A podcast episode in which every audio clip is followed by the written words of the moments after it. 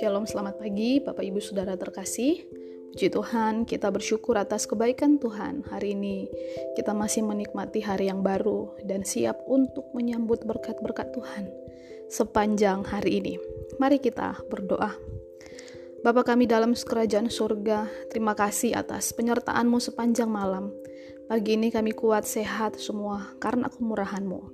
Dan tiba saatnya ya Bapak kami mau merenungkan firman-Mu. Berbicaralah bagi kami karena kami siap mendengar. Demi nama Tuhan Yesus Kristus kami berdoa. Amin. Puji Tuhan Bapak Ibu yang terkasih. Renungan kita sudah tiba pada Yesaya pasal yang ke-15. Nah, dalam pasal ini Bapak Ibu secara khusus membahas mengenai nubuatan kehancuran Moab sedikit kita membahas latar belakang Moab supaya kita ingat kembali tentang siapa itu Moab.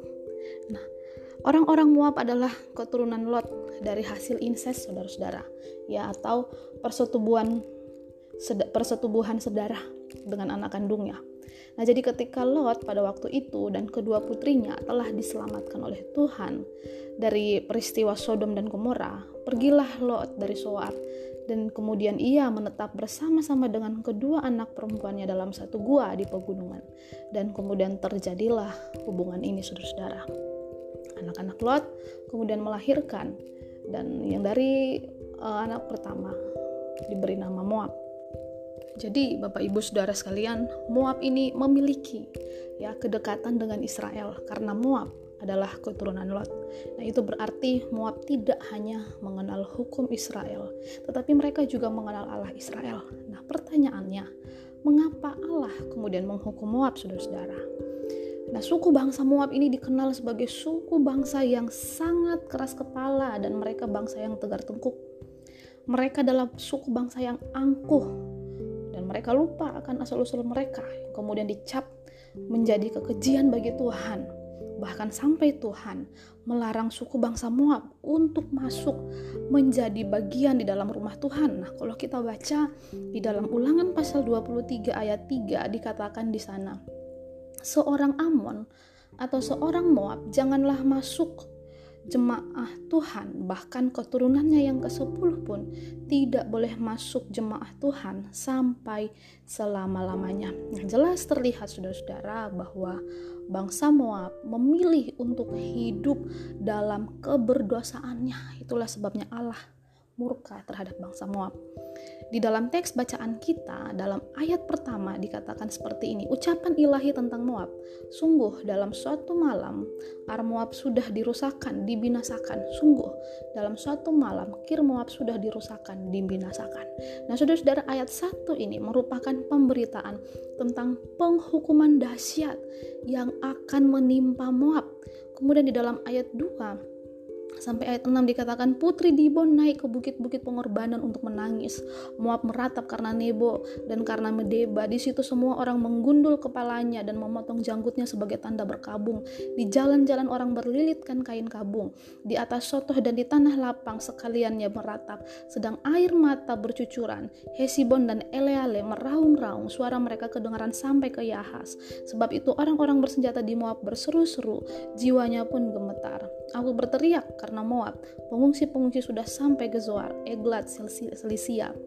Sungguh orang mendaki pendakian Luhit sambil menangis dan di jalan ke Horonaim orang berteriak karena ditimpa bencana. Sungguh air di Nimrim menjadi kering dan tandus dan rumput sudah kering, rumput muda sudah habis, tidak ada lagi tumbuh-tumbuhan hijau. Nah, saudara-saudara, dalam ayat-ayat ini ada perkabungan yang besar-besaran terjadi.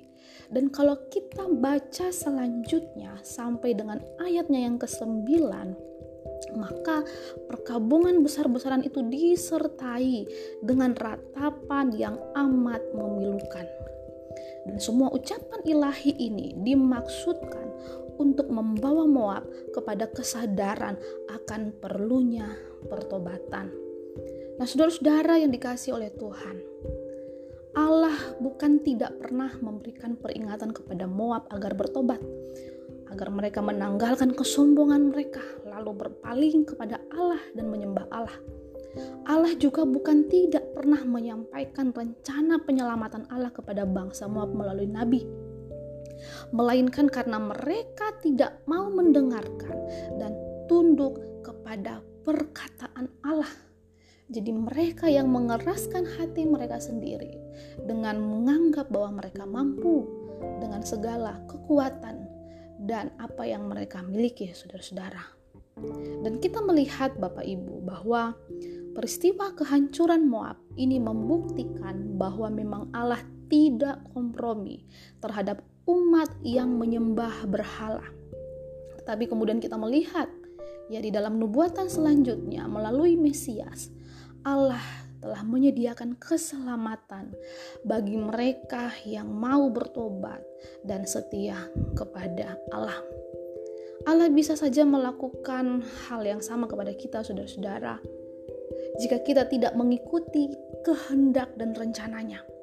Apabila ada di antara saya dan Bapak Ibu yang lebih mengandalkan kekuatan seperti bangsa Moab, mengandalkan kepintaran, mengandalkan kelebihan secara fisik maupun jabatan saudara-saudara. Nah, pada kesempatan ini marilah kita segera bertobat kepada Tuhan, mengakui bahwa kita ini sesungguhnya tidak ada apa-apanya.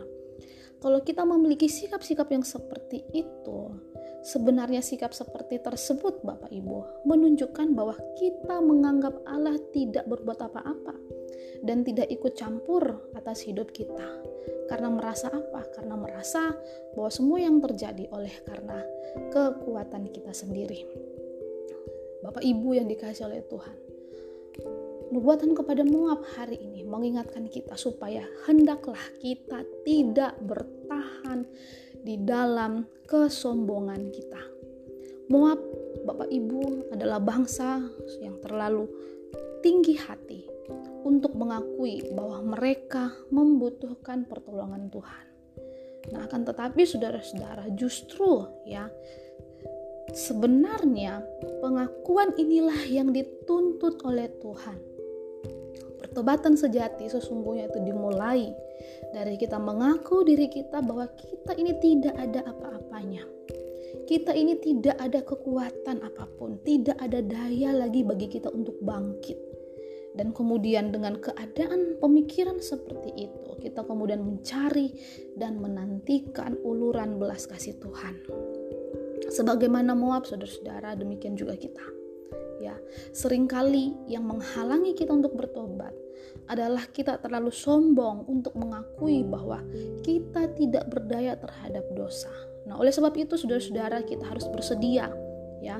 Bersedia diremukkan kesombongan kita dihancurkan kesombongan kita dan bersedia untuk memulai lagi dari awal. Supaya Tuhan bisa membentuk kita menjadi baru tidak bercacat dan sempurna di hadapannya. Tuhan adalah Allah yang pengasih kepada setiap pribadi siapa pun itu. Tuhan mau kerendahan hati kita untuk selalu dibentuk oleh Tuhan. Hidup dalam kebenaran ya. Tidak mengikuti atau tidak menjadi pribadi yang keras hati tetap tinggal di dalam setiap kelemahan di dalam keberdosaan kita di dalam pemikiran kita yang sesat. Tuhan mau kita berubah.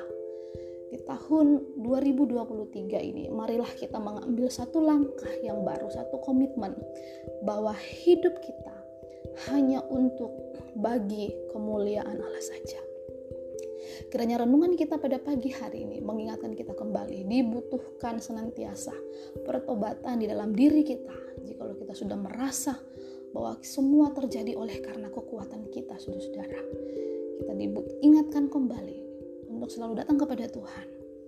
Merendahkan diri kita di hadapan Tuhan dan kemudian membawa hidup kita untuk dipimpin oleh tangan Tuhan saja.